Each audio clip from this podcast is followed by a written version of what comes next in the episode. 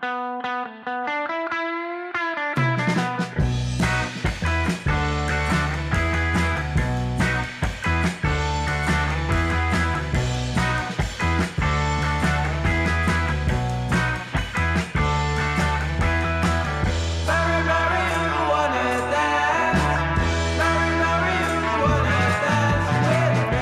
Welcome to High Tea with Derek and Rens, a podcast about cannabis culture. My name is Derek Bergman. And my name is Rens Hoppenbrouwers. This episode is sponsored by Seed Stockers, affordable cannabis seeds for home growers, available at seedstockers.com. As you can hear, this episode, number 30, will be in English because of our very special guest and host today, the one and only Soma. Welcome to the High Tea podcast, Soma. Oh, thank you very much. I love speaking about cannabis. Well, thank you very much for being on the show and welcoming us in Amsterdam. I'm really looking forward to hearing about your experience about the strains you've created, like the New York Diesel, the uh, Lavender, and Amnesia Haze.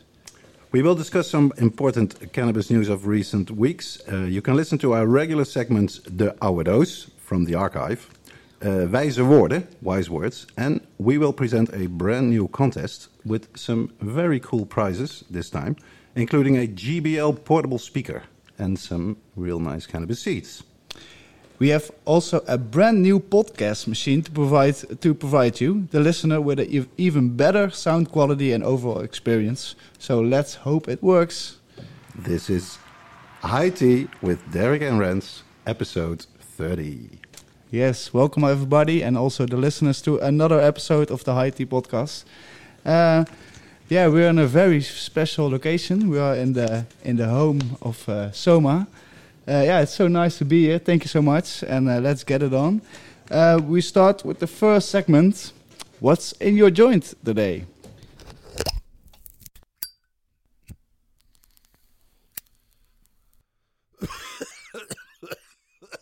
Wat zit er in jouw joint vandaag? It's lit.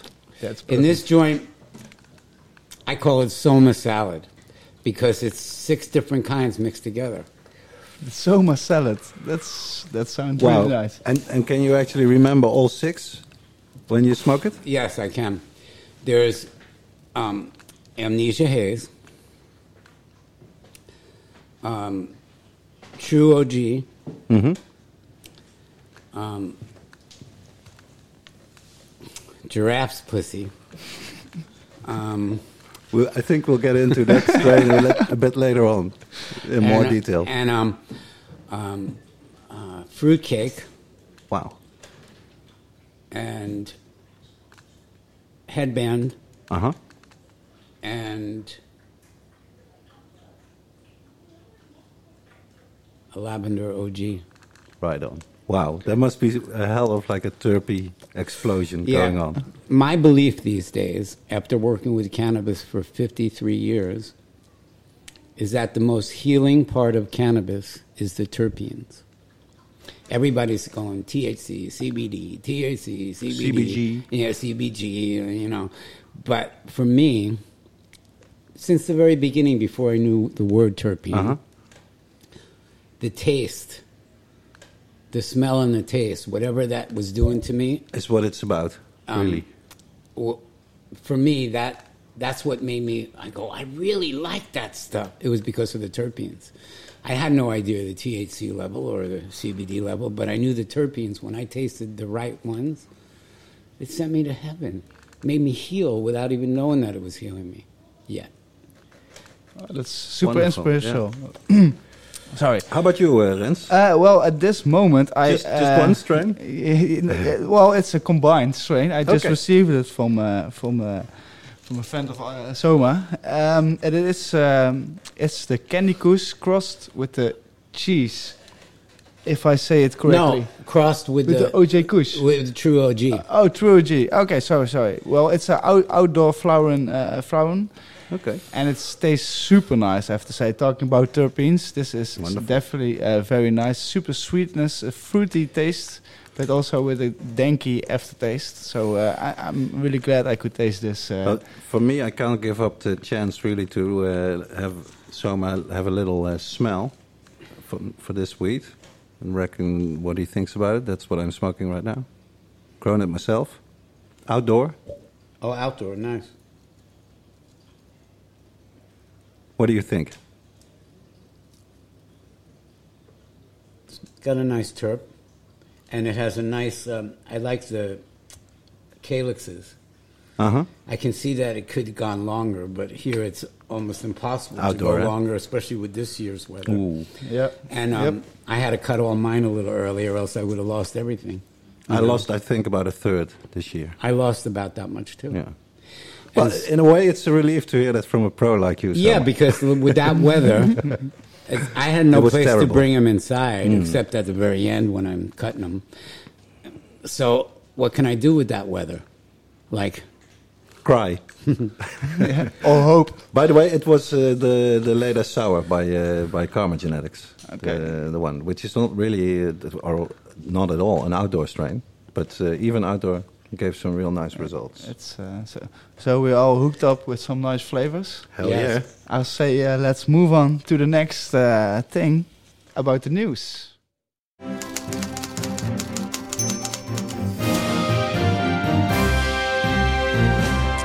Well, before we zoom in on your life, uh, Soma, let's briefly talk about some of the main news stories from the cannabis world. okay, Starting with some good news about uh, from the United Kingdom, a victory for Billy Caldwell and medical cannabis. What's the story, uh, Derek? Yeah, there was really an uplifting, positive story coming from the UK. Uh, some listeners might know him. I called this boy myself, um, the, like the he's like the British Lara Figi.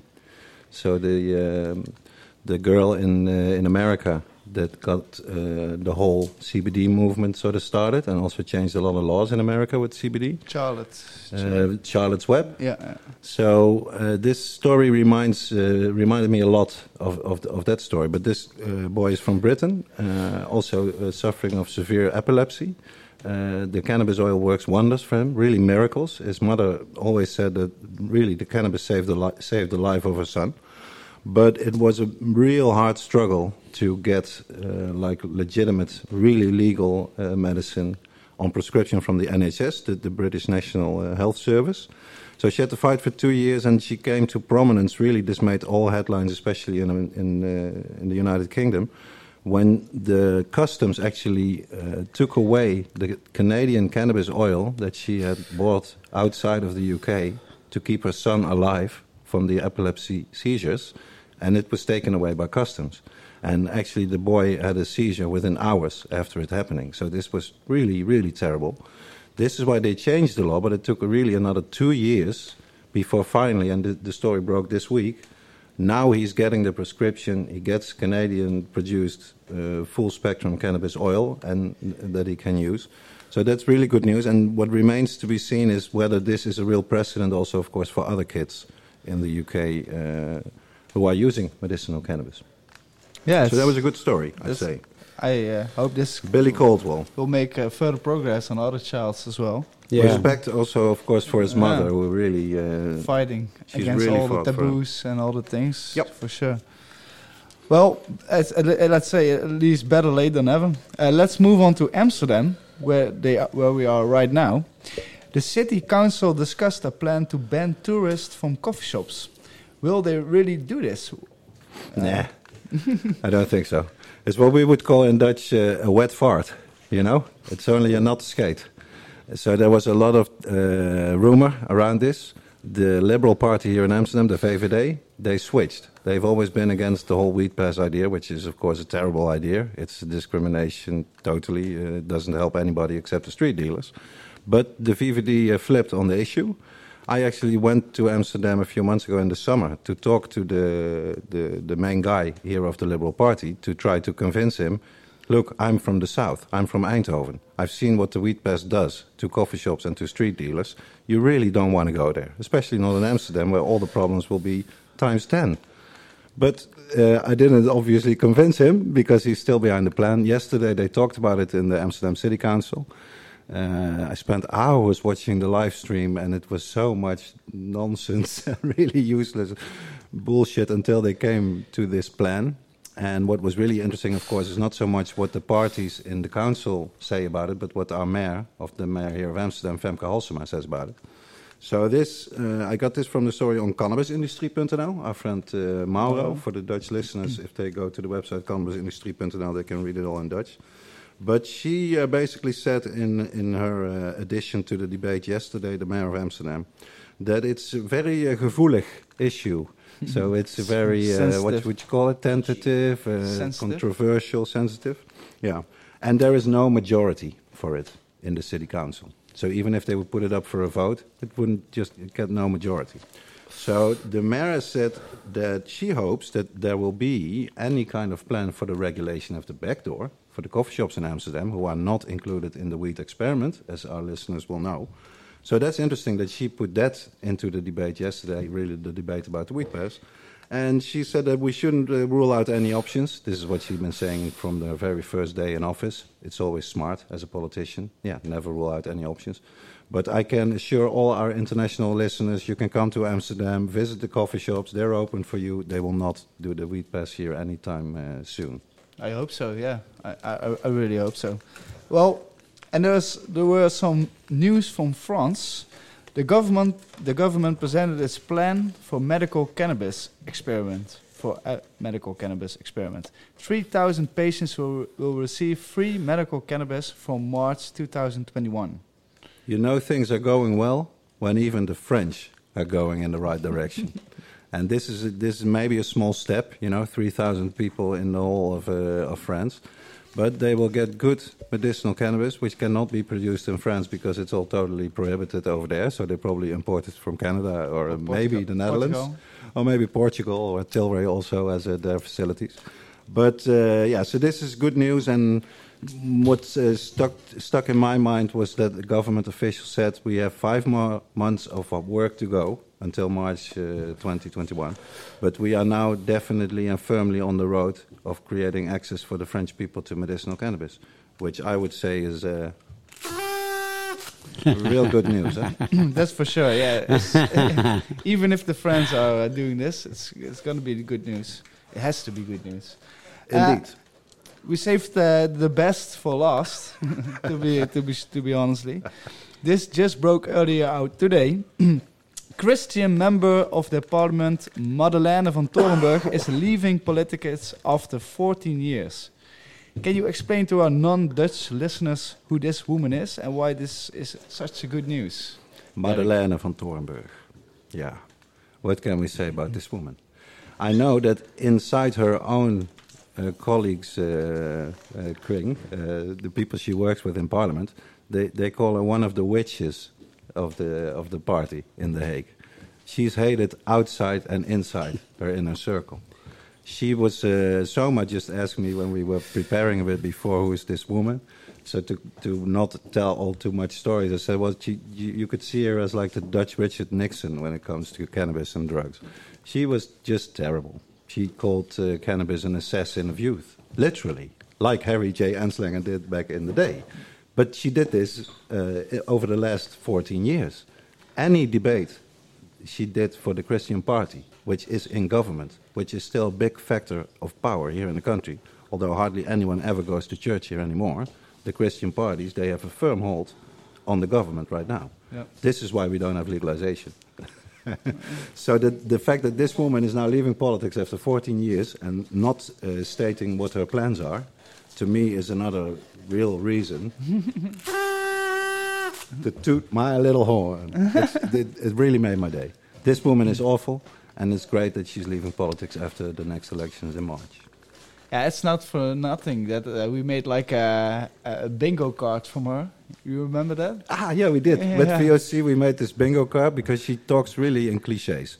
The assassin was one, but she had all kinds of phrases like this, you know, propaganda The for, eighty percent uh, export. the uh, export myth, all the all the myth that you could possibly come up with, she had them, uh, in her repertoire. So we made this bingo card that you could use uh, during debates, and you could cross off uh, any time that she used the assassin uh, word. It was a lot of fun, but uh, we can now throw it in the archive. Yeah, that's very nice. That's super nice here. Well, that concludes the news for this episode. Time to focus on our guest, Soma. world famous cannabis breeder and cannabis shaman. Shaman. Yeah, the shaman. That's that's interesting. Eh? Would You you call yourself a, a cannabis shaman? Yeah, because I, I, I always say that I study shamanic teachings. Mhm. So not everybody does that, but I do, and I don't just do it for a year. I've been doing it for decades. Hmm. We have plenty of time to, to go all through your life and uh, through you know all the all the strange you developed, the the things that you experienced here in Holland, the things you experienced in the States. So let's put it in a nice chronological order. You were born in, in Pittsburgh in '49, Yes, and but moved and really at your childhood and your teen years in, in New York. eh? yeah. I, I moved to New York when I was about three, and from three to to twenty five, I, I was there. Okay, so like city kids, I would. No, no, imagine. no. From No? th- from three to let me see, twenty one. I was there, and then I moved to Vermont Mhm. in New England, and that's the first place that I grew some cannabis. Okay, because when you were living back in New York, could, could you tell us a bit about what, what was your background and what was your life Okay, like? when I was seventeen, I didn't really, I didn't really like school. I didn't really like school. I, I, I kind of just got by, except for the subjects that I liked. I was kind of C plus student, I think, because I didn't like history. History was a bunch of lies. I found that anyway, because like they were teaching me about the War of eighteen twelve. They didn't say nothing about cannabis. Cannabis one is, is one of the main reasons why that war happened, because in those days all the sails on all the big ships, including the Netherlands ships, were all made out of hundred percent cannabis Yeah. and the best marine cannabis would come from Russia. So it was America against England, America against France. Also very big And, no, America against France, but England and France, they were at war with each other. True. And so Napoleon does the War of 1812 because the Americans were smuggling the hemp for the sails for the ships to England.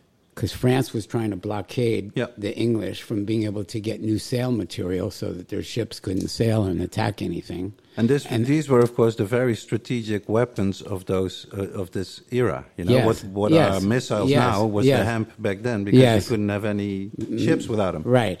And so then Napoleon brings his army to America, does the War of 1812, but it's all over hemp. And I realized when I look back at why I didn't like history when I was young is because I, something inside of me realized it was a bunch of lies and a bunch of, it was always the, the, the winners that wrote history, not the people that got oppressed or anything.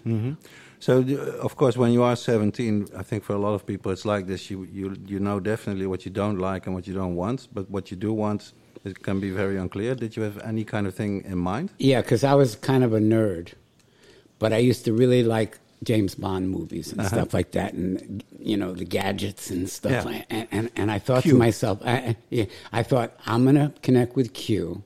I'm gonna join the Air Force at 17.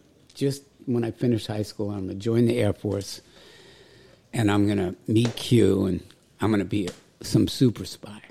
Yeah, and be a hero of the world. I didn't think nothing about death and destruction. You know, I was Uh-huh. too naive, man. And so I joined the Air Force with a best friend of mine. We Uh-huh. joined together. On the spot check physical, the day I was going to leave, I failed the spot check physical. And it stopped me from going. It like saved me because I had no idea what I was getting myself Uh-huh. into. Yeah. And I had a lot of friends back then during the Vietnam War that didn't come back. And did your friend who you were with? He went. He, He, went. went. because and like he survived, or? I lost touch with him. Hmm. I lost touch with him. But So then that, that was not an option? that that was not an option. So my mother was like giving me a hard time to get a job and stuff. Yeah. I still didn't know who I wanted to be, what I wanted to do. Because we're talking about late 60s, eh, I'd say now. We're talking about 1968 now. yeah.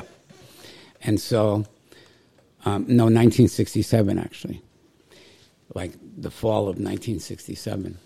Which So- will always be a year with like a golden glow, I'd say. eh? Summer For me- of Love and Sergeant For Pepper. me, because that's the year I started smoking cannabis. That's And a real so- golden one, yeah. IBM was hiring. I applied for the job. It was in the mailroom, Uh-huh. Madison Avenue and 57th Street, 20 story IBM building, Uh-huh. where the chairman of the board had his office and the president. And I became a mail boy.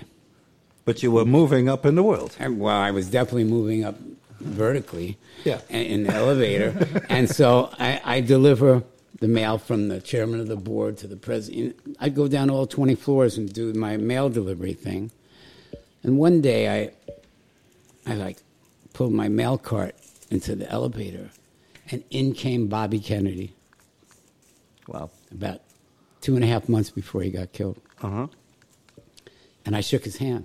I go, man, I want to shake your hand. I shook his hand, and I was so impressed that I ran into him because the Kennedys were really good friends with the Watsons, the head of the IBM.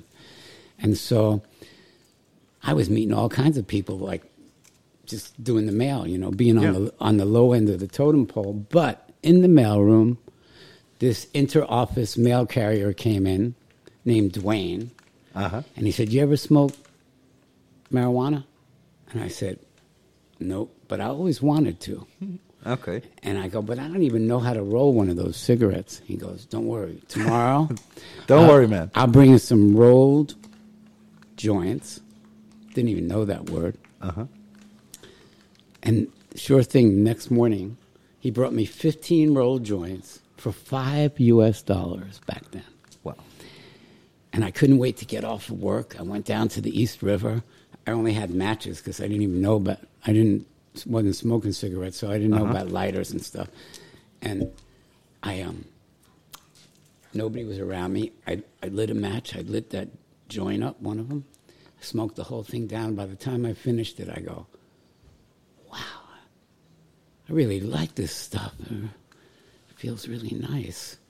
You know, I was, it lifted my spirits out of that mundane corporate, like bottom of the, you know. Because for like for a lot of people that you hear, the very first time they smoke weed, they don't have any effect really, and then the second and third time, then the, the coin drops, they and then the body sort of used to it. Yes. But for you, it was like instant. For me, I had an Connection. instant Love an on inst- first sight. in- Yeah, inst- yeah. instant aff- affinity. You know, like it, it triggered something inside my brain, like you Uh-huh. know. And so then I started smoking only on the weekends when I wasn't working. You know, some of my friends also started smoking that I kind of led into it. You know, and we'd get together on the weekends, Friday and Saturday, and we'd, we'd smoke and get really stoned and try and ne- never let our parents know what we were doing. Uh-huh. And and then I started smoking on my lunch hour. I'd go to my lunch hour and I'd have a little pipe with me, and somewhere I could find a place and do a Little one-hitter. And, and, and then I go, wow, this makes working at IBM better. and then as I kept doing it more often and more often, my hair started going over my ears Uh huh. and my sideburns started going. and then I'd get, I was always wearing these three piece suits when I worked there.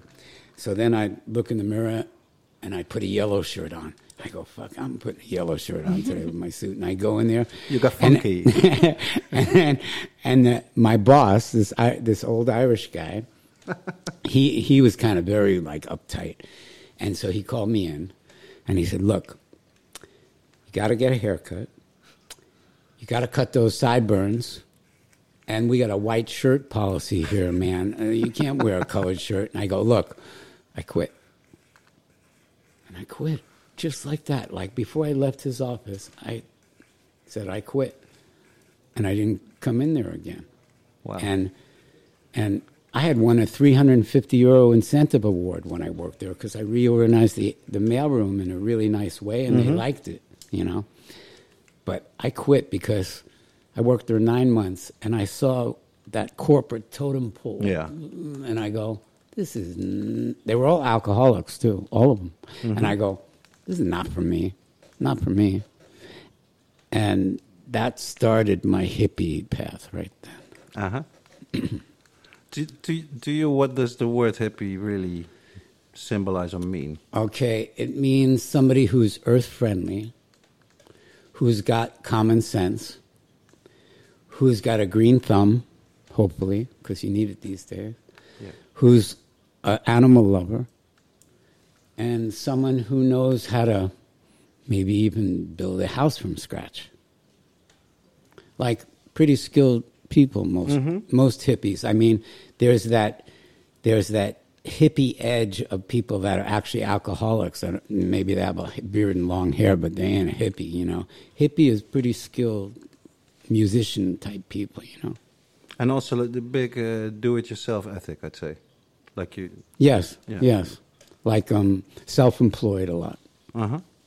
So and so, obviously, you don't tie it to that certain period uh, in time, like no, the 60s or no, the 70s. no, because even though, if anything, right now, there's probably more hippies, but they don't have long beards and hair, Mm-hmm. maybe. But as far as the mindset goes, say David Icke, even he doesn't have a beard and long hair, but he's got a hippie mindset. So, Yeah. You know, hippie is in the age group or a certain geo- geographical location. It's it's a state of consciousness. Yeah, yeah, very clear. Okay, so you quit IBM Yes, and then without a plan. Yeah, well, without a plan, but I, my my plan was to definitely not shave, and definitely not c- go to the barber. And keep those collared just, shirts on. Just because of what that boss at IBM said to me, I go, I am going so much the other direction, buddy. I don't think you know yet, you know. And I started to metamorphosize, and then I, of course, even just for some cannabis to smoke, I needed to earn some money. Yeah. So I look for a job again. Where can I get a job having a beard and long hair? Driving a New York City taxi. I'll take my hack license. I'm a pretty good driver. Got my taxi hack, hack license, and I started driving taxi for this fleet where I didn't have to have my own taxi. I just went in and got it on my designated hours. And I was able to sit at LaGuardia Airport, which I'd like to do my first run. And while I was online waiting for my turn to pick up passengers, my stepbrother had brought back this Vietnamese weed from Vietnam, which was so strong. And it was like $20 an ounce back then. And so I get, I get an ounce, which is 28 grams in America. And while I was waiting online, I'd smoke a joint. I had like air freshener. I'd roll all the windows down before I got in there, and I had my I had my FM radio because uh-huh. my my one that I brought to have in the taxi, my FM radio just blaring with some rock music and Yeah. like just rocking out, you know. Rolling Stones, Sympathy for the Devil, you know. It's like, uh, and, and, and so um, I was able to have my beard and long hair and drive taxi. 1969 and 1970, I drove taxi in New York City and met tons of different people, you know. Uh huh. And then I started becoming a vegetarian, 1970. And I go, okay, I'm getting out of New York City. I'm moving to Vermont, the Green Mountains, and I'm going to open up a natural food store. Mm-hmm. So I went to this southern Vermont, opened up this natural food store in this little college town, and I I lived in this little boarding house with my girlfriend at the time because I mm-hmm. didn't have much funds, and I would drive from Vermont all the way down to Brooklyn, New York, where I had a friend who had great cannabis. I get some cannabis, and then I drive it all the way back to southern Vermont How many like kilometers four, would it be? four hours in the car, Okay. and and kind of dangerous. You had to hide it Yeah, and stuff. And so I get it back to Vermont because there was nothing good to smoke up there, nothing. and so I became like one of the people you could get some really good cannabis from. The plug. But it was all with seeds. Yeah. It was all Colombian, really good Colombian weed, but all seeded with a lot of seeds. So I'd have a record album. I'd be breaking up the Yeah. buds on the record album, the classic way. rolling the seeds down, and I'd scoop the seeds off and I'd throw them out the window. Amazing. I, I didn't think about saving them back then. I just didn't want to smoke them. Uh. So out the window, out the window, out the window. Okay, I, I went outside the house. I think it was May. And I look under my window. I was two stories up. I look under my window and there's like about 20 little cannabis plants. and I thought to myself, holy shit. And then I re- you know, seeds, cannabis plants, and I go, I gotta get, I'm gonna, I'm not gonna get in trouble for these here. So my friend had a place up on Putney Mountain, southern Vermont.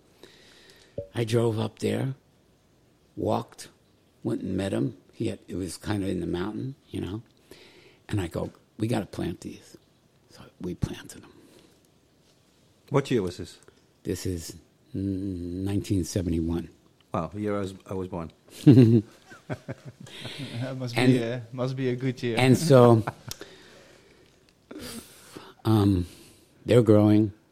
They're sativa. I don't even, no way they can finish in southern Vermont. Yeah. It's too cold. And, but I don't know any of that then. I'm just like looking at these amazing plants, you know, only leaves, you know, but they're getting bigger and bigger. And I'm going, wow. I'm feeling some like, wow, maybe maybe I'm seeing my future, but I just don't know it yet. You know, and it's like I, am seeing my connection to this uh-huh. plant, but I'm I'm not evolved in it yet. You know, but there's something that's knowing it inside of me, some inner knowing of it. And then my friend brings a little baby goat up there. And the next thing I know, this goat devours one of those plants so fast, like before I could even blink my eyes. Like it wasn't that big; it was about this high. But that goat did it in, and I go, "Holy shit!" No other animals ate, ate this, you know. and then, unfortunately, it ended up getting busted, and I ended up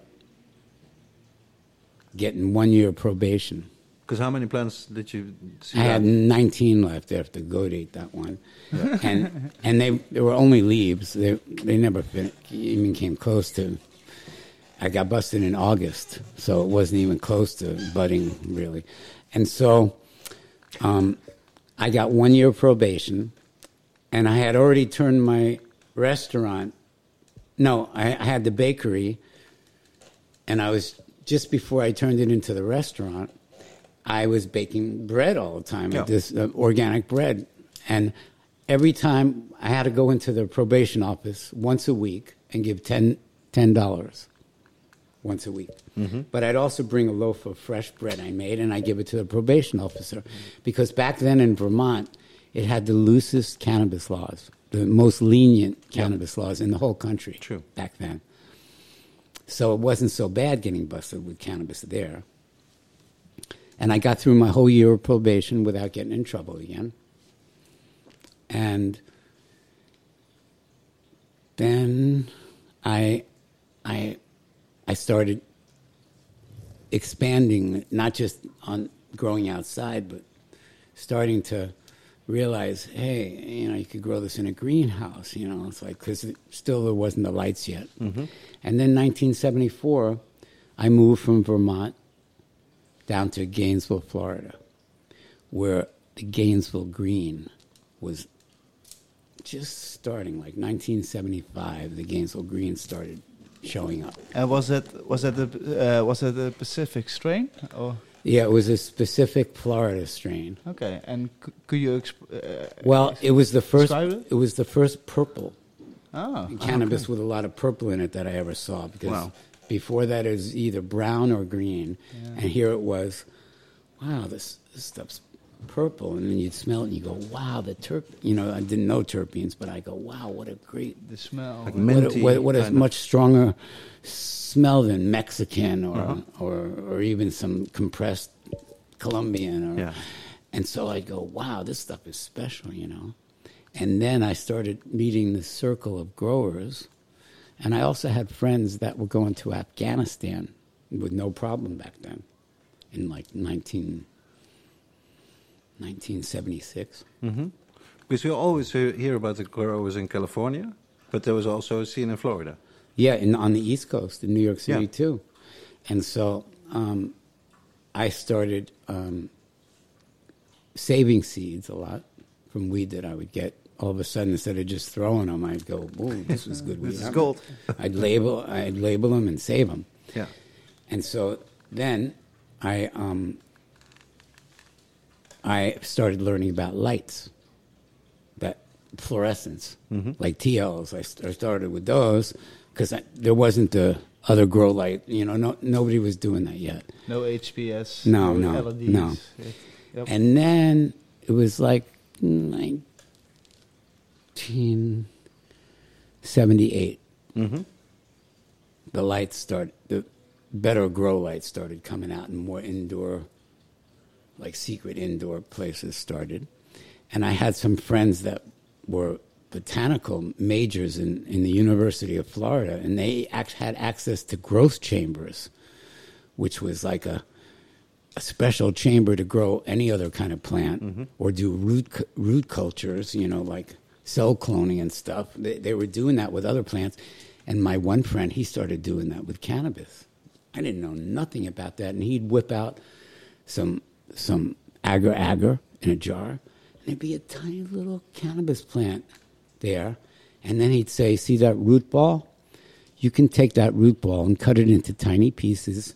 in, in front of a laminar airflow hood, keeping it sterile, and drop those pieces in other agar jars, and you can, Multiply. yeah, endless Like like uh, the first tissue culture. tissue culture. Yeah. Yeah, wow. And, and S- so in '76. that's Oh, in no, 78. Right 78. Yeah. Okay. Wow. and and that's because my friend was like an expert in the college. Like he, he was a star student with this stuff, and he had access to these growth chambers where you could do that kind of cell cloning, tissue culture, Yeah. and have it work. to me, to me, it's fascinating. Sorry to interrupt you, but fascinating to hear when you just told the story about how you dropped the seeds outside, you know, without any thought Yes. of it. This almost to the exact sentences is the same thing that happened here in Amsterdam with Kees Hoekert. That he talked about the uh, founder of the Lowlands Weed Company, Uh-huh. who was the very first one from the late 60s on here in Amsterdam to promote home growing, and it, it was exactly the same. In, in the spring, he sort of noticed must have been those seeds that I chucked out. And then it really hit him like an explosion in his head what that meant, you know, what the implications were of that fact that you could actually grow wheat outside in the Netherlands. it's very interesting. And then the connection with students here in, in the Netherlands, a lot with, of course, the uh, Agricultural University in Wageningen, for instance. I know that there have been a lot of uh, crossbreeding, to, to say that word, between like students and growers and smokers. And of course, later on, people coming from America to, to, uh, to the Netherlands, but we'll get to that. So now we're at the, at the end of the 70s. Yes, And you and and indoor growing sort of starts. yes. What do you do? Because it took a long time before you actually. Uh, I make a lot of mistakes. like I'm taking rolls of, of, of aluminum foil and putting it all over the walls uh-huh. because I don't even know about mylar. I don't know about painting it white. I, I don't know that stuff yet, you know. And I figure like, okay, I'm using aluminum foil. It's easy to get, and so I taped it up, you know, and I, you know, I wasn't doing so good yet. But it's the best and I didn't know. I actually didn't know anything about soil and fertilizer yet. I was still need to learn that. You know what Mm-hmm. I mean? Yeah. And when I did it outside, I would use cow manure, but that's about as much fertilizer stuff as I knew. I didn't know about airy soil. Uh-huh. When did that change? And w- was it like one one person maybe who learned it to you, or was it like a process? No, it was more internet. the, when I really started learning about it was when I moved here. in Okay, yeah. 1995. Then, like here, with the freedom that was available then, I would connect with Bernard from Mm-hmm. from uh, Positronics. Positronics, and I would connect with Ben Dronkers from Sensi Seed, and you know, I started. Neville too. We used to play chess with each other. Oh. So, so it's like I and Scotty from Greenhouse Uh-huh. and Ariane was one of my first friends here.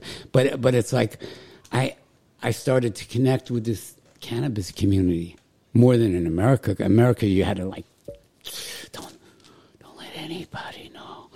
You have to be. But here, from my- loud and out. Fr- from my first visit at the Cannabis Cup in '94, I actually started crying these tears of of joy, not sad tears, but like bliss, like blissful tears, like because I had to like go, wait a second. Cops just walked by when we were smoking, and, and I go, I didn't have to hide anything just now. There's I had weed up on my at the cannabis cup on my table, and I wasn't getting busted for it, and like that touched me, man. That Uh-huh. it made this place a heaven, a cannabis heaven for me. And I fucking moved here after that. Because, like, like you said, the first time you came over was as a celebrity judge uh, in, 40, in 94 I I for wasn't I wasn't even a celebrity judge yet. Ah, I was just great friends with Jack Herer for four years already. I we became friends in 1990 when I Tell flew. us about that. Yeah. How- Okay. How, did that happen? In 1990, I had a crystal shop in Gainesville, Florida. Mm-hmm. And I was super into cannabis, super into cannabis in many different ways. But all of a sudden, I saw The Emperor Wears No Clothes book. Yeah. And I read the whole book. And I thought, this guy, Jack Herer, he, he wrote this book. He must be amazing. So I contacted him and I said, um, I love your book. I have a court case here in Gainesville for um, having possession of cannabis. And I want to fight it every way I can. And one of the ways I'm going to do it is to put on a hemp rally right in front of the Gainesville, Florida courthouse, 1990, 30 years ago. A, a hemp, uh, a hemp uh, rally. That's what I called it. I couldn't really call it a marijuana rally. I called it a hemp rally because I was becoming aware of hemp. Yeah. Uh-huh. You know, uh-huh. these pants are 100% hemp. And so I started becoming aware of that as a something besides something you smoke and get high on. Like, oh, there's other uses for this stuff. But that was just, you know, from the Emperor Wears No Clothes, that was like mm-hmm. enlightening me to that mm-hmm. stuff.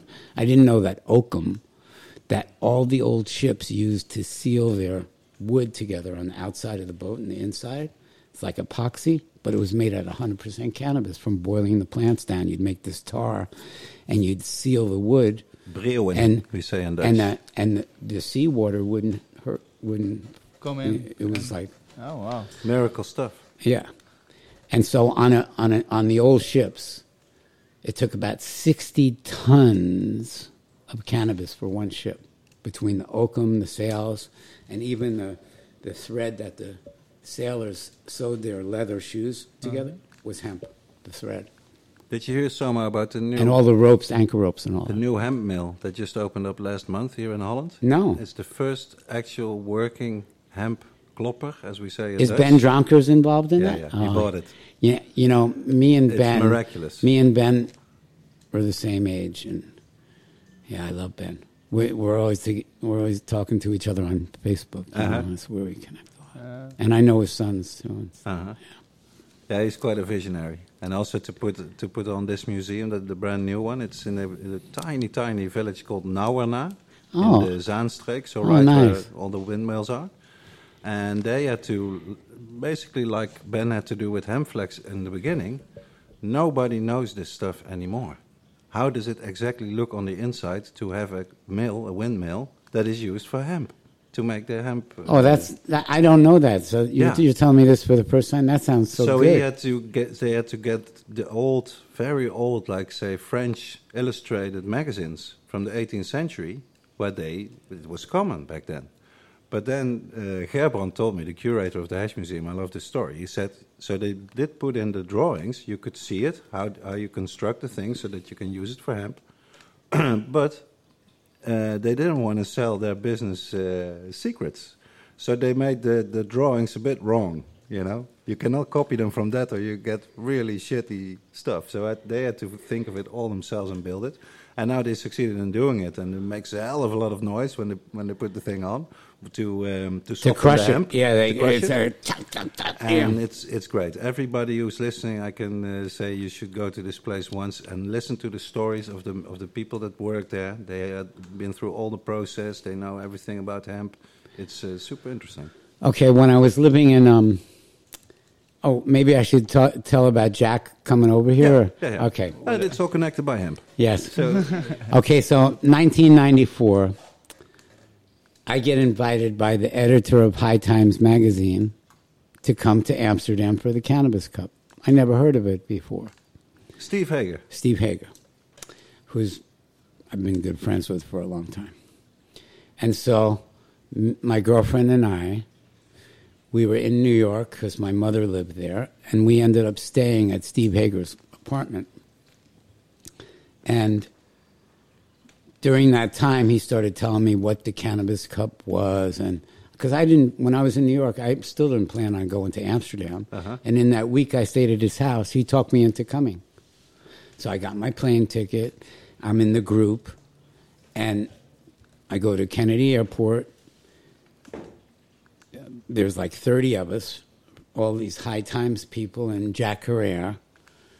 And Jack also told me about it. He said, You should really come. Yeah. And so there we are on the plane. I'm sitting next to Jack. I, I, I took two no filter joints, and about half half a joint. I, I took two of them and I had them in my sock. Uh huh. Back then, they still had ashtrays on the seats in the airplanes, and so so you could smoke. You could smoke tobacco, you know. And so I'm sitting next to Jack. It's about four in the morning. The whole plane's asleep. Even the stewardesses and stuff. They're, there's not much happening, so they're only even taking a little break. Whatever. They're not walking the aisles much. You know what I mean? It's the perfect moment. And so I say to Jack, Jack, I got a little joint here. And he goes, let's move it. And so I light it up with a lighter, being really quiet. And I pass it to Jack. He passes it back to me. I pass it back to Jack. He passes it back to me. I pass it back to him we got a buzz on that little half joint just because it was so Of course. risky. You're 8,000 miles high. Yeah, and so then I, then I like took the roach, I I rolled, I put it out, and I threw it a few seats away from me. I didn't even want the roach near me in case some stewardess can what, what do I smell? But while we, right after we finished it, the smell went through this 30 people 35 people from high time it like went through these rows and like four o'clock in the morning people are going "Mm." like their eyes are open and they're going? Everybody knows this smell these 35 people you know. Maybe not the stewardesses and uh, and the other passengers but and everybody's trying to figure out where where it came from right? But then we landed. We went to the Okura Hotel, same place Steve Hager was staying too. And w- Jack has a room, I got a room, and Classy he place, I might add. Yeah, who yeah. don't know Amsterdam. And I love ja- I love Japanese people and Japanese lifestyle, and so I um we put a towel down in front of the door, and we were smoking a joint in my room. Some I don't know how, but the next thing I know, there's a knock on the door, and there's one of the security people from the Okura, and they go, I go, they go, you can't smoke cannabis here. And I go, but this is Amsterdam. I, I mean, I just came here from America. Like, how can there be a cannabis cup and I can't smoke joints here? And they go, you're forbidden to do that. If you do it again, We'll kick you can't, out. uh, We'll kick you. You can't stay here. And I go, I can't even go to the restaurant then? No, nothing. I mean, so we didn't smoke there no more. We started going to coffee shops. I was going to the greenhouse. I was going to Lucky Mothers. Mm, I remember that one. And I'd go to Lucky Mothers a lot. I'd go to Pos- Positronics, yeah. And, and so I wasn't smoking in the Okoko no more that week. But I was I really wanted to. In America, that you couldn't get hash back then, just Uh-huh. weed. But here, I was seeing good Moroccan and stuff. Oh, like, yeah. like, like, like, mm, 1994, there was still good Moroccan and good. Other, and I go, I want to bring some hash back to America. So Alan from Lucky Mothers, he got me an ounce. And then another friend of mine named Bill, an American, he got me an ounce. Eagle Bill. N- no, he No? was a friend of mine too, but not not Eagle Okay. Bill. Another Bill. Yeah, another Bill who's also not alive anymore. But I took one ounce, wrapped it in plastic, put it in one shoe, in my left shoe. Then I took the other ounce, put it in plastic, put it in my right shoe. And for the next five days in Amsterdam, I walked around with the hash in my shoe. It was getting flatter and flatter, and my feet were getting used to it uh-huh. in there, and it was fitting better every day. And I was going, I'm, I'm going to do it. So my return ticket was coming up because I only came for a week, just like Jack. We were flying back together on the same plane again with a lot of the cannabis people because we were all on the same kind of agenda. You must have been so nervous. Oh my God! So so it's like I'm keeping my cool. You know, I'm keeping my cool. I'm keeping my cool. So I'm sitting next to Jack on the way back too, and um, um, before I even left, he told me, "Don't dare bring anything with you. You don't know how much trouble I got into for this little tiny piece one day coming back from here." So, So I you gladly took this advice and shoved it out the window. no, I didn't tell him nothing. I didn't tell him nothing. I just was keeping my my cool. cool. And then about 45 minutes away from landing, my palms started to sweat. That's what I mean. My my palms I, I never seen my palms sweat like that, but they started to sweat. Everything else was my facial expression, my body language, but my palms were sweating. And we landed. I went through customs. Nothing. Totally cool. I walk out the airport with Jack. We get a taxi together. As soon as the taxi pulls away, and I go, Guess what I have? He goes, I want some. and I dropped him off where he was staying. I went inside. I opened one of my shoes, Ta-da. took a piece off, Wow. gave it to him, and he was happy I took the risk. Yeah. And wow, it wasn't the first time I smuggled something uh-huh. because in 1979, I smuggled seven kilos of hash back from India. And I didn't do it on me. I did it in a big package, a big wooden crate full mm-hmm. of like all kinds of Indian stuff. Yeah. And I had it inside these chessboards made out of stone from Agra, mm-hmm. where the Taj Mahal is. And I had like eight normal ones and seven with a kilo hash in each one that you couldn't smell it. You could, it was stone, you know, you wouldn't even think there was. And I, I made that worked? Yeah, that worked. Wow. Excellent. Well, great. That that's, brings us to like 94 and 95. Uh, Yeah. It took you only two years to uh, figure out I'm moving there. Yeah, like this is where I'm finding my my ideal place right now and this as far as cannabis goes. This is my and I loved the culture here too. Mm-hmm. I loved the people I met, the food I ate, the the the consciousness. And would you would you say that's like a Dutch thing or more an Amsterdam thing? Or? Well, this is where I've spent most of my time. I've been around a little bit here. Been to Rotterdam and it's very different. Huh? Yeah. Rotterdam didn't do it for me. It was hmm. I love these old buildings, these. Yeah. ancient buildings that are still standing so good. Who the heck were these guys that built Prinsengracht and stuff? I, I look at those places, 1655. Like, how did they figure with these beams? Oh my God! What country? Where, where these beams?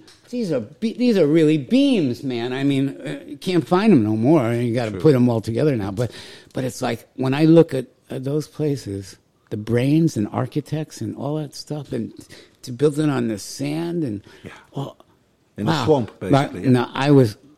I'm still after 25 years here. I'm very impressed with Dutch mentality. What is it that you uh, most hate about Dutch people? the indifference. But that is everywhere these days. And and the indifference to getting forced to put a mask on Uh-huh. or forced to wait online in the winter so you can get in Albert Heijn or whatever. It, it it's like come on, Dutch people are much smarter than that. Dutch people are fighters. That's why cannabis became legal here in the 80s, is because people stood up for stuff. Now, Uh, maybe, not now. May, maybe not now uh, the you- same you- way because people are more passive now. They're That's like true. they'll if you they'll look- just If you look back at our history, say like Second World War, how most Dutch people reacted to that, then it's like mm, we are not uh, heroes that much, you know, the Dutch. So, and I'd say as far as the policy is concerned, it goes for. We have to thank like some specific politicians, and also have to thank uh, obviously uh, foreign people will not know this, but like the most progressive government we ever had in our country after the, the Second World War was actually the government that changed the opium law for cannabis.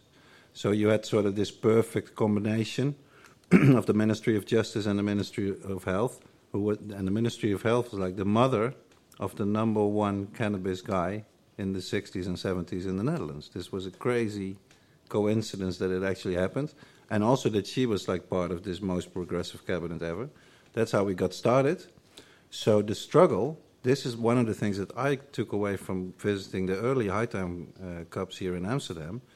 Uh, the fighting I learned from you guys, and the, what really struck me. The listeners to the show might uh, might know it, but for me it's very important. The Dutch are very nuchter, as we say. One of our sayings is. Uh, Sober. yeah, sober, but it has a lot more meaning to it than that. It also means that you are a bit like Calvinistic, that you're not spend too much money, da, da, da, it all comes with it. But to me, and it also that it's this one saying, doe maar gewoon, dan doe je al gek genoeg. Act normal, that's crazy enough already. It's one of the things I hate most about Dutch culture. And to me, when I first started visiting these high times cups and saw like you guys, the Americans who are like really into cannabis, whether it's breeding or activism or whatever, even making a lot of money, but very passionate, and have a respect for the plant, and have a sense of, um, let's say, that you need to celebrate this, that you need some new uh, rituals around this plant that you're not only there to make money or to make the new best-selling strain, that it's good to take a moment to thank the plant, for instance, like Ed Rosenthal did. To me, this opened he published my eyes. book. Yeah, it's Yeah. opened my eyes. Like, uh, of course, you can treat it like it's uh, just a drug or maybe some alternative to alcohol. But hey, there's so much more to this plant, and this is what really the Americans opened my eyes. And there comes the complacency, like you say, and the indifference. Yeah. Very interesting. This is the first Yes. thing that you mentioned. Yes. I hate that too about the Dutch. Yeah. they take things for granted. They think they know a lot more than they actually do know, especially about cannabis. then I'm talking about more the people outside the cannabis world, eh, to, to be clear about it. But I see that uh, I'm a journalist from my profession. I see that a lot with, uh, with my colleagues, that they almost refuse to uh, have new information enter, you know, about Yeah. hemp, about what's happening in Yes. Canada, about the US, about Yes. medicinal, about epilepsy, about people. About vaccines and masks. yeah, whatever. You but know. sticking even to cannabis, it's worse enough, I'd say. Uh, so there, I, mm, as much as I can understand, I think, at being Dutch myself, what you appreciate. There, there's of course good things also here in Amsterdam and in, in sort of the Dutch tradition of, of liberty and tolerance. But to me, what's very uh, important always to stress: what does tolerance mean, and what does acceptance mean, and what is the difference between the two? If you are tolerated, it means if I tolerate you, I It's don't not so too friendly. much respect. It's for you. not so- not, very friendly. No, not very not too friendly. nice. And Just like not going to kill you, but not very friendly. this, yeah, this is sort of what sums up the Dutch cannabis policy. It's not legal; it's tolerated. Right. Like, you know? like, how can you keep it illegal this long from 1985 till now? You keep it legal this long, and people get jobs, ruining people's lives because of a plant. That's crazy. what, what would be your answer to that? Why, why is, why haven't we legalized yet here? Um, my answer to it would be make it make some jobs happen. Cannabis can employ many thousands of people in the different sectors, from marketing to farming to like different products like hemp seed oil or paint made with hemp seed oil is amazing. And like, there's 50,000 useful products from cannabis. This place is the flower capital of the world. People can Yeah, make as it is, yeah. people can make air grow leaves here, and so if you can do that, even in artificial greenhouses and stuff, where you make the best greenhouses in the whole world. Anybody wants to get a greenhouse, go to Holland if you want to get the best kind, because that's true, where they're really the best. Like, make the cannabis world a legal business so that especially now all the restaurant people all these people are going they're going bankrupt like give everybody some new jobs let them be work in a hemp factory. Let them like clean up there. Let, let them like mm, eliminate the insect problem with a natural mm, method. But, but it's like there is many many many many many many thousands of jobs. It would make the Dutch economy stronger on every sector. Even people that have nothing to do with cannabis, they'd notice, wow, economy's going better these days with uh, cannabis jobs available to the citizens. It's Mr. Rutte, I think. Eh? He's the problem, our prime minister. Well, anybody that wants to rule out nature and choose vaccines that are made with aborted fetus cells and and crab cells and junky like what the heck? What kind of business is that really? Compared to a organic cannabis business?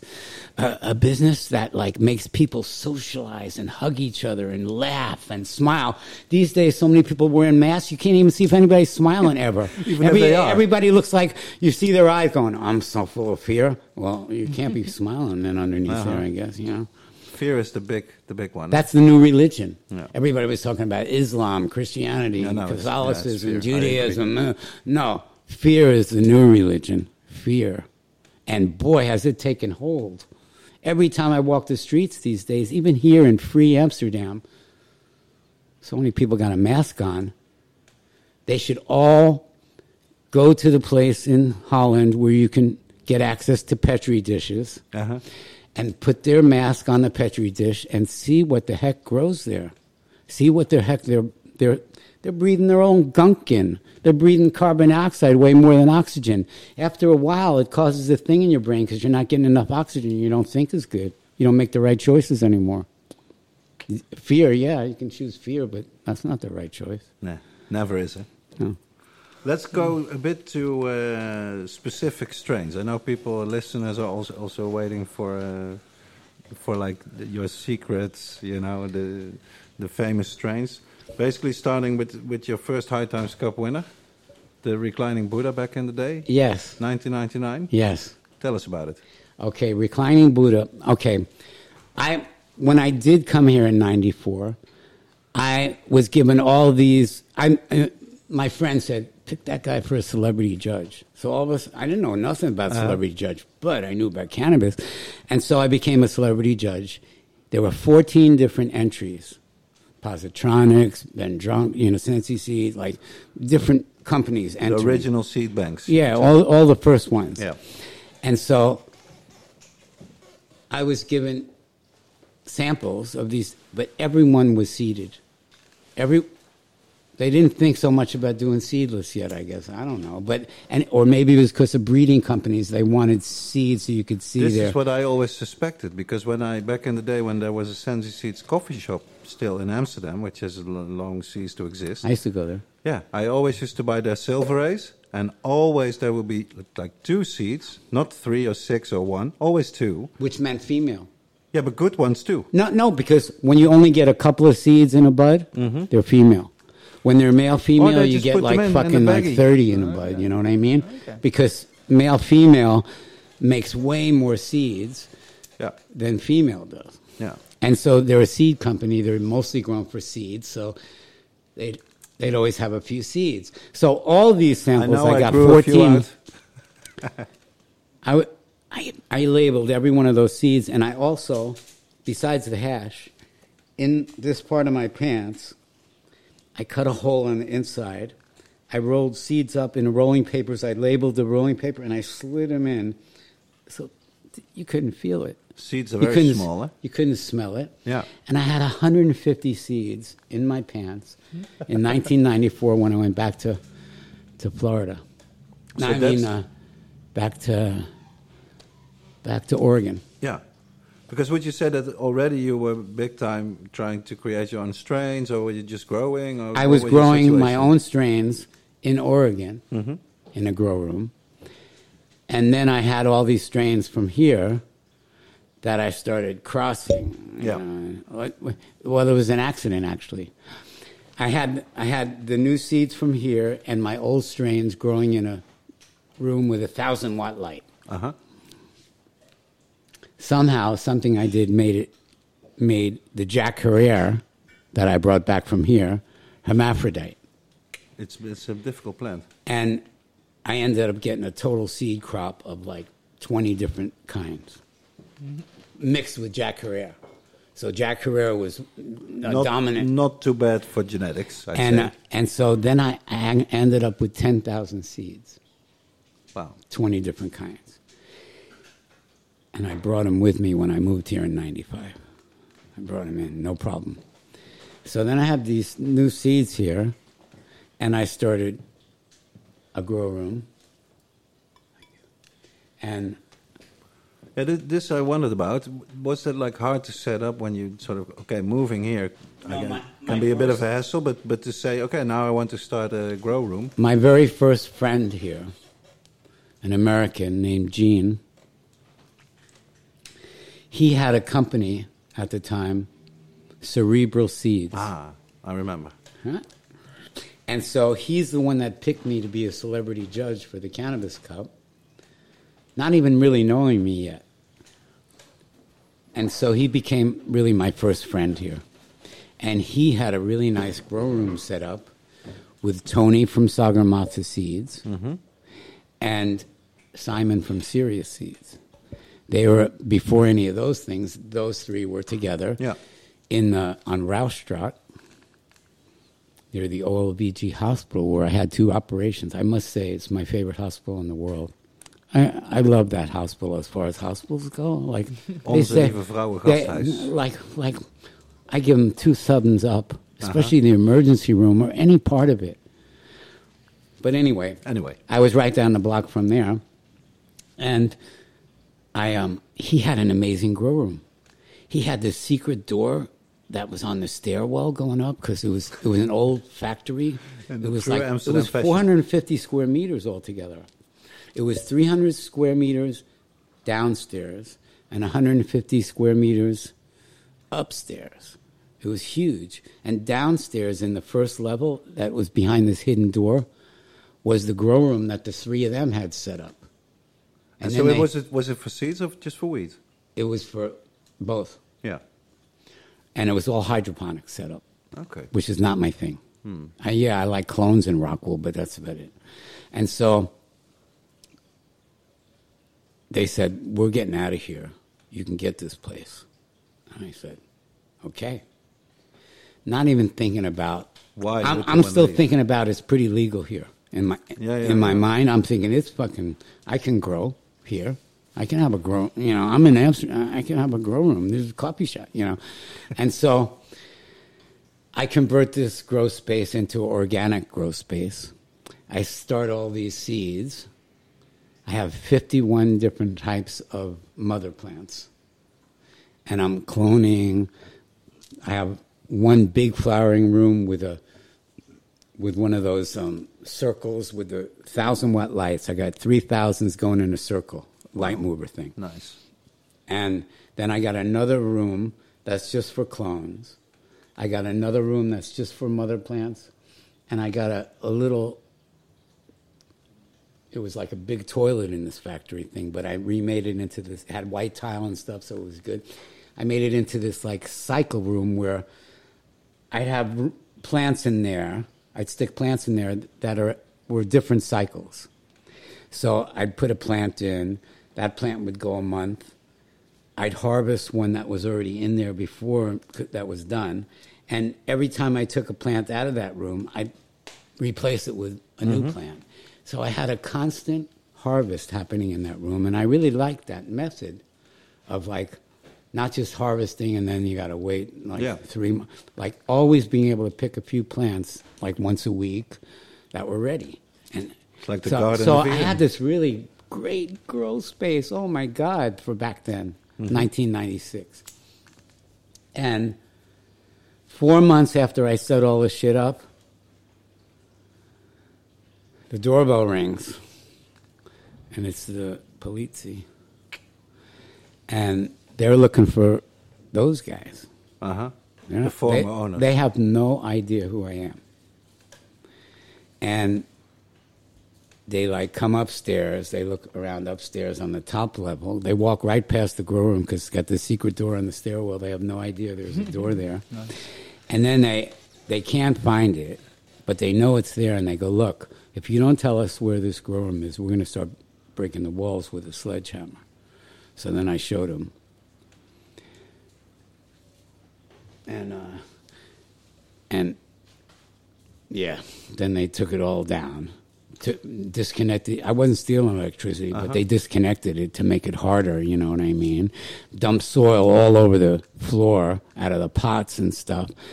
But when I went back there, there was still 22 plants that had like little sprigs coming off the stalk that they cut. Like they didn't cut it where there's nothing alive left. And I was able to salvage 22 of those 51 different crosses. That's something. And I started again. I started again because I still didn't get that. It was, I had a court case coming and everything, but I still didn't get that. It was really Yeah. not legal. Yeah, yeah, it didn't penetrate me yet. Yeah. So then, 1997, 1997, there's, um, I'm on top of this hardware store. 1997, there's, there's a guy trying to break into the hardware store. Some alarm goes off. The cops pull up in front of my place and they go around to the back of the building and they go up on this lower level that's on the hardware store and they go right past this place where I have my ventilator exhaust. And it's making, mm, you know, it's making, it's not super noisy, but if you go close to it, and you can probably even smell some cannabis Yeah. coming out. And, and, and so I knew that they were in front of the place, and then I saw them on the back roof, and I go, with a flashlight, and I go, fuck, the cops are here. And then the next thing I know, they're not looking for a grow space or anything. They like push this ventilator thing in, and I see a grow light go on the roof, shine, and I go, oh my God. That's it. I'm up on the top floor. So I say to my girlfriend, lock the door. She locks the door, and I go down to where the secret door is. And I like, I, the lights are off in the front room. And right then, there's two cops that came in through the hole. They're, they're coming out this door to see who's, who's, and we scare the shit out of each other. We, we, we all, all three of us just jump because we didn't expect to see each other right then. And so, like, I, I tell them, this is my medicine. Yeah. This is my religion. This is my medicine. And so they go, okay. And they walk me down. One, the police station used to be right across the street from the OLVG back then. They walk me down. They walk me down, no handcuffs, no nothing, to the police station. I go in. I talk to this sergeant, Evert Jan, and he's got an earring in his ear, and I go, that's kind of slightly hippie. I don't know. man." And so I um, I tell him, look, this is my medicine. I'm not trying to do any kind of crime thing. This is my medicine, and I I'm just growing my own organic cannabis. And so I um I like I have this rapport with the sergeant and he said, "Okay, I tell you what. I'm going to give you permission to grow 50 plants for your medicine." 50. Wow. He he wrote it. Uh-huh. You know.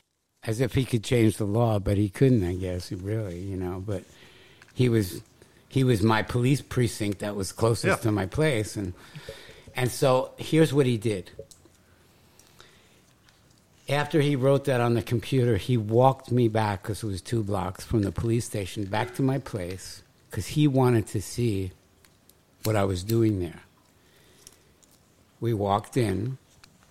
I had about 20 plants hanging on a line drying. He asked me for a garbage bag. I gave him one. He took one of the plants off the line and he put it in the garbage bag and then brought me back to the police station because I didn't get released yet. He just wanted to see what I was doing there and walked me back there because it was so close. And and then when I showed him my plants, he, he smelled it and he put it in this garbage bag and then walked me back to the police station. And the first thing he did was take this bag and put it in his private locker. No way. oh, no way. And then, oh, he even had a cup of coffee at my place that my girlfriend made when he when I brought him there. He was so Evert Jan. What a guy. I love that guy. Like We, we should have had, we should have more police he- officers like like this guy. Yeah, and, and and he gave me the idea that there was more like that, and back then I think there was, but but There- there anyway, still are, eh? he he was such a good human being to me, and so kind of open and understanding, and I guess he was a smoker um, on the side, and um, from '97 to 2001, I continued there without a problem until the hardware store who owned the building wanted to move, wanted to sell the building, and then I had trouble. Yeah.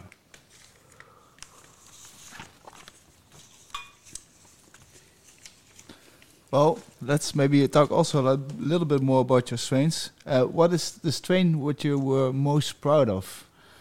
Probably the strain I'm most proud of is the Amnesia Haze. Okay. Because when I first came here, there was Mexican haze, took forever. There was NL5 haze, which was super tall and also took a long, long time. And I wanted, I love the NL5 haze. I could always smell it if it was getting smoked in a room, and I walk in the room, I go, ah, someone's smoking NL5 haze. It had a signature Yep. smell, aroma to it, Absolutely. you know. And the New York City diesel is kind of that signature aroma when you squeeze a bud, you go, oh, grapefruit, wow, calyx, you know, and and.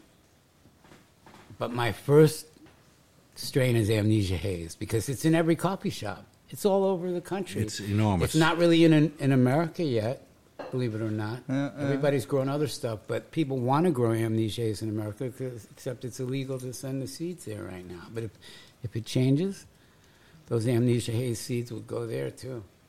But and then New York City diesel after that. Because that's a strain that when you look in the genetic coding of all the different cannabis plants these days, you find that limonene terpene from New York City diesel within many other strains that are famous now, but like it can get traced back to part New York City diesel, like Cannatonic, the CBD strain mm-hmm. is. you uh-huh. know, Yeah, yeah.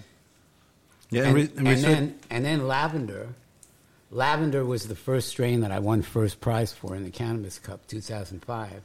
And then I, I won first prize with it in Barcelona at Spannabis.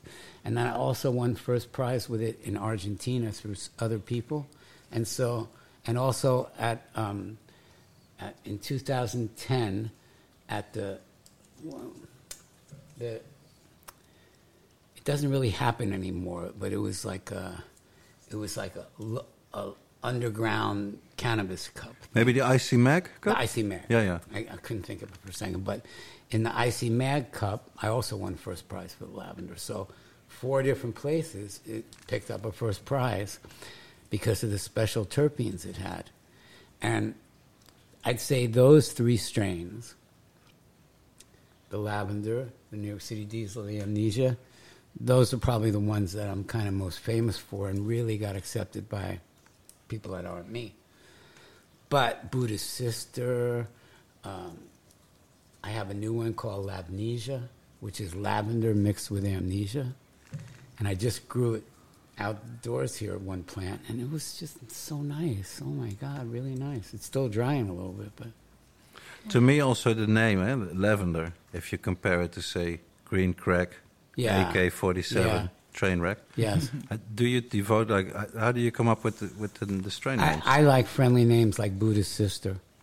Like, like, and does this take you like a long time? Are you like brainstorming with a lot No. of people, or it comes in a no, flash? Or like, like reclining Buddha. lovely. Reminds me of a very big one in Thailand. I once Exactly. saw. Wow, a nice It's a- one. It's like a replica. But Real heavy. you know, before I had reclining Buddha, I was looking at these kind of statues Mm-hmm. of a reclining Buddha, Yeah. and this strain took me to such a friendly place when I smoked it, and took my taste buds to such a nice space that I thought I'm calling this reclining Buddha. So would you always only name a strain after you smoked it, or sometimes even when you're no, just first I growing give out? it numbers usually. Okay. I like give it maybe initials and a number to see different phenotypes that I might come up with from that's those same seeds, and and they were there was almost always different ones that would come up with the numbers. You know, I had like I, I first started label stuff Soma skunk number one, Soma skunk number five, Soma skunk number ten. Like number five was Somango. Hmm. Number 10 was lavender.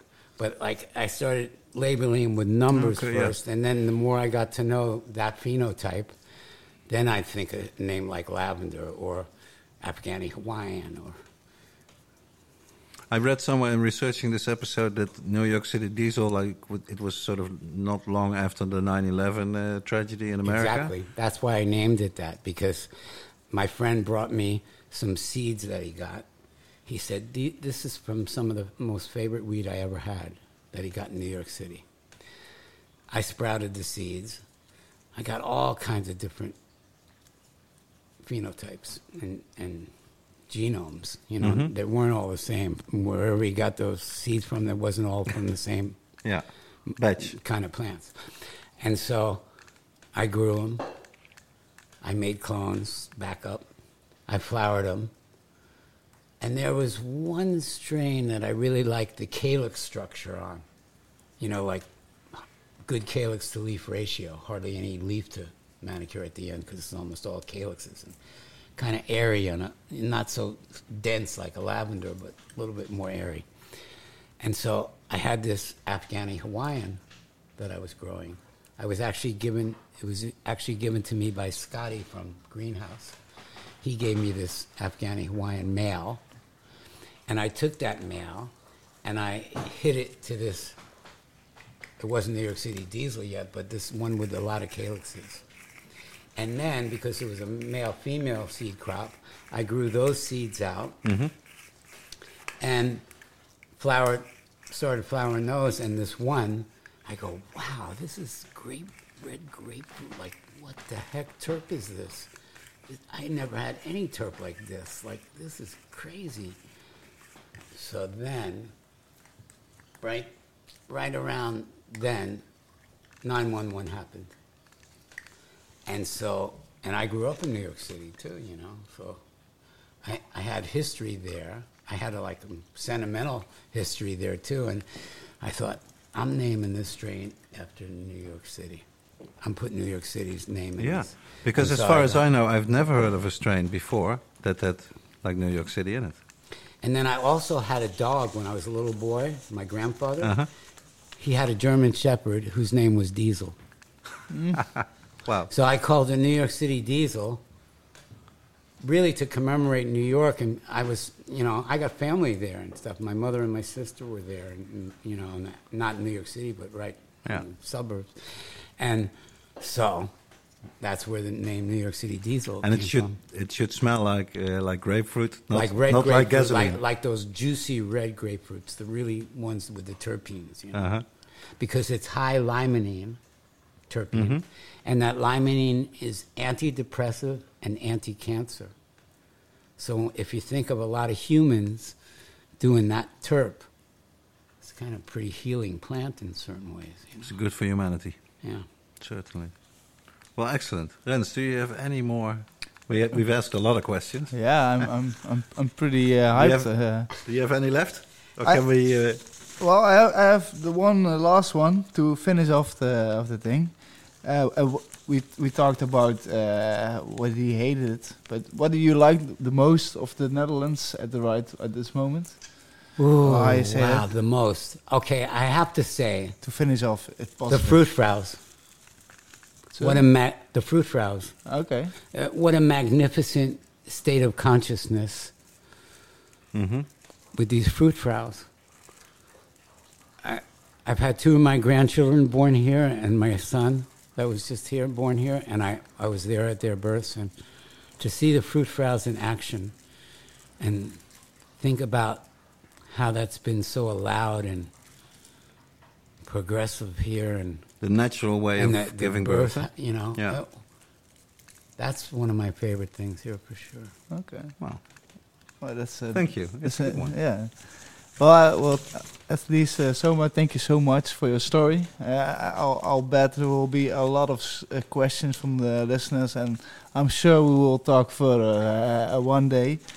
Uh, to to to um, keep it a little bit short this this this time, uh, we will skip the old uh, uh, box from the archive, The hour dose. and we keep it uh, for next uh, for next time. But we will, of course, go to the listeners' response. We go to reacties van luisteraars. Well, uh, we have uh, uh, first we start off with the question. Oh no, no, no. We we start with the question of last uh, uh, episode, and the, the question was, what do you think of the new documentary series Cannabis? And um, maybe you, we could also uh, ask Soma. I didn't see it yet. You Oh, haven't okay. seen it yet? No. Ah, A okay. few people told me to see it. It's on Netflix. No, it's, Uh, uh, not it's yet, just. I would uh, say. I wouldn't be just, uh, surprised if on they buy it. NPO three. No, no, Just two, if- I think. Uh, oh, NPO two. And Well- is it Dutch now? Yes, in Dutch. Oh, it's Dutch. But there are yeah. some American uh, ah, speakers but, also but in so there. it's a Dutch production. Oh, yeah. And you, okay, you now I can. want to watch it more because here's where I live. Mhm. Yeah, yeah, and They you can easily watch it on back. I, I, will, I can I can show you afterward uh, for sure. Um, but we go. Uh, we asked uh, for a response, and the winner uh, from this time is Eric, and we've translated this answer. Dear man of the High Tea podcast, by coincidence I came across the documentary Cannabis two weeks ago. Nice that you guys have been watching it as well. My opinion about the documentary is very divided. The stories about the Kralingenbos, the heroin ep- epime- uh, epidemic, and how this led to the development of the toler- tolerance policy, I found very interesting to see. Unfortunately, since then, it has it has almost only gone downhill with the cannabis revolution in the Netherlands, and then also the terrible story of Johan van Laarhoven in this respect, it's painful to watch the documentary, knowing that we will still we still have to go a long way.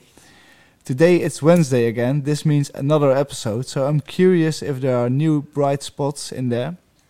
As you said in the podcast, it's almost impossible to find clean weed in my area, so I could use definitely some use uh, some biotabs. Kind regards, Eric. So, uh, congratulations, uh, Erik, to you. You are the winner of the contest of episode 29, and you win the Biotabs um, Discovery package, I think it was. Uh, so, let's go over to the to the, No, the no, no, question. no. They will get a really nice package. Let's let's explain it a little bit further. Yeah, but it's for the new contest.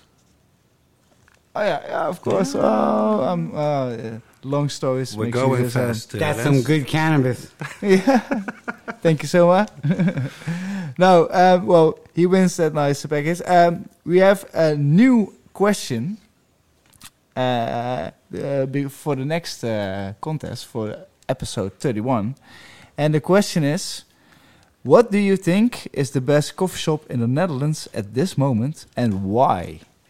And the winner will get a portable JBL Bluetooth speaker. Uh, I, I think I use like almost every day. Uh, I really like it. I always uh, take it with me to the kitchen to have some music while cooking. I think our technician also enjoys the same one provided by our sponsor Seed Stockers. They are really nice speakers. Yeah, And they will get also like a, a 10 gelato auto flower seats, 10 runs, feminized seats, a box of rolling papers, and a cool t-shirts, all provided by Seed Stockers. And because of Soma, we also uh, add a signed book of his uh, included in the prize box. That just came out. It's really nice. I just leafed through it. The styling and the, the, the strains that are in there, the, the history. It's a lovely, lovely little gem of a book, I'd say. Yes.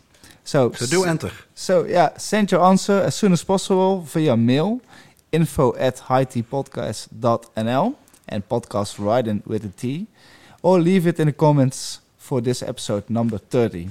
And the question once again, what do you think is the best coffee shop in the Netherlands and the, uh, at the moment and why? I'm really curious. How, how about you, Sam? If you would, Okay. you're an Amsterdam resident. Well, well, there's many different factors that I would think of.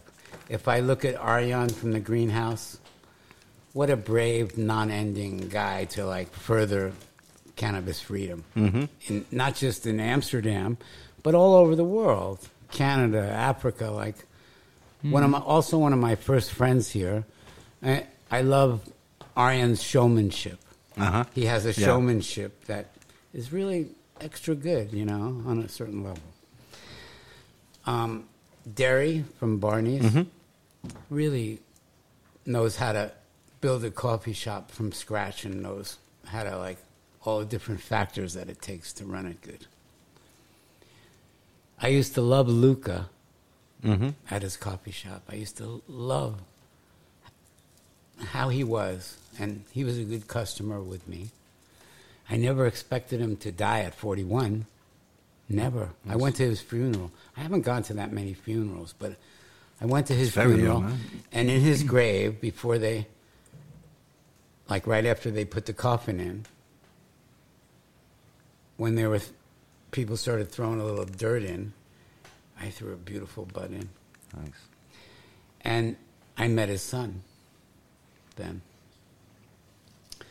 I never really realized that his son would end up kind of getting stabbed in the back with the main coffee shop, but the smaller one, hmm he was able to get it, to get hold of it, Okay. control of it. He calls it family first, right on the Amstel. Okay. And boy, I've really seen him really get into the different genetics and strains and really try and put the best stuff on his menu. Not not thinking of price. And like I always see Luca in him. When when I hang out with him, I see Luca's body language and I see it in his face and in the way he talks. And I love helping that guy and I hmm I think he's got. I think that place has a lot of heart Uh-huh. and a lot of skill. Be sure to, sure to check it out, and also the other insider tips, I would say, when you uh, make it to Amsterdam, our dear listeners. Yeah, f- yeah, for sure. Yeah. Uh, so uh, send us your uh, answers.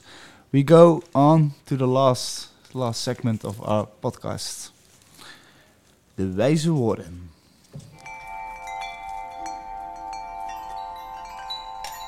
Wijze woorden. That brings us to our final recommend segment. Wise words. Derek, please tell me what you choose in this this time. I've chosen from my uh, little red book of quotations a quote from uh, August 3rd, 1857, by Frederick Douglass. He was an American social reformer, abolitionist, orator, writer, and statesman who lived from 1818 to 1895. And these are his wise words If there is no struggle, there is no progress. Those who profess to favor freedom and yet depreciate agitation are men who want crops without plowing up the ground. They want rain without thunder and lightning. They want the ocean without the awful roar of its many waters. Thank you, Derek. Yes, we've come to the end of the episode. I, I want to thank Soma again so much My pleasure. for welcoming us in uh, Amsterdam and being on the show. Thanks to Simon, our technical wizard, and the sponsor of this episode, Seed Stockers, affordable, affordable cannabis seeds for home growers, available at seedstockers.com. Don't forget to send in your answer for the contest and stay safe, everybody. Thanks, everybody. Houdoe. Thank you. Bye bye.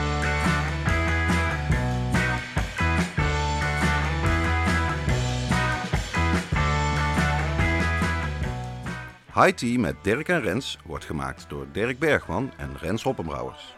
Deze aflevering werd mede mogelijk gemaakt door Seedstockers, betaalbare cannabiszaden voor thuiskwekers, verkrijgbaar op www.seedstockers.com. Onze tune is Marijuana van de band Moon. Beluister muziek via iTunes en Spotify. Volg Tea op Instagram, at Podcast met een T, of mail ons naar info at. go.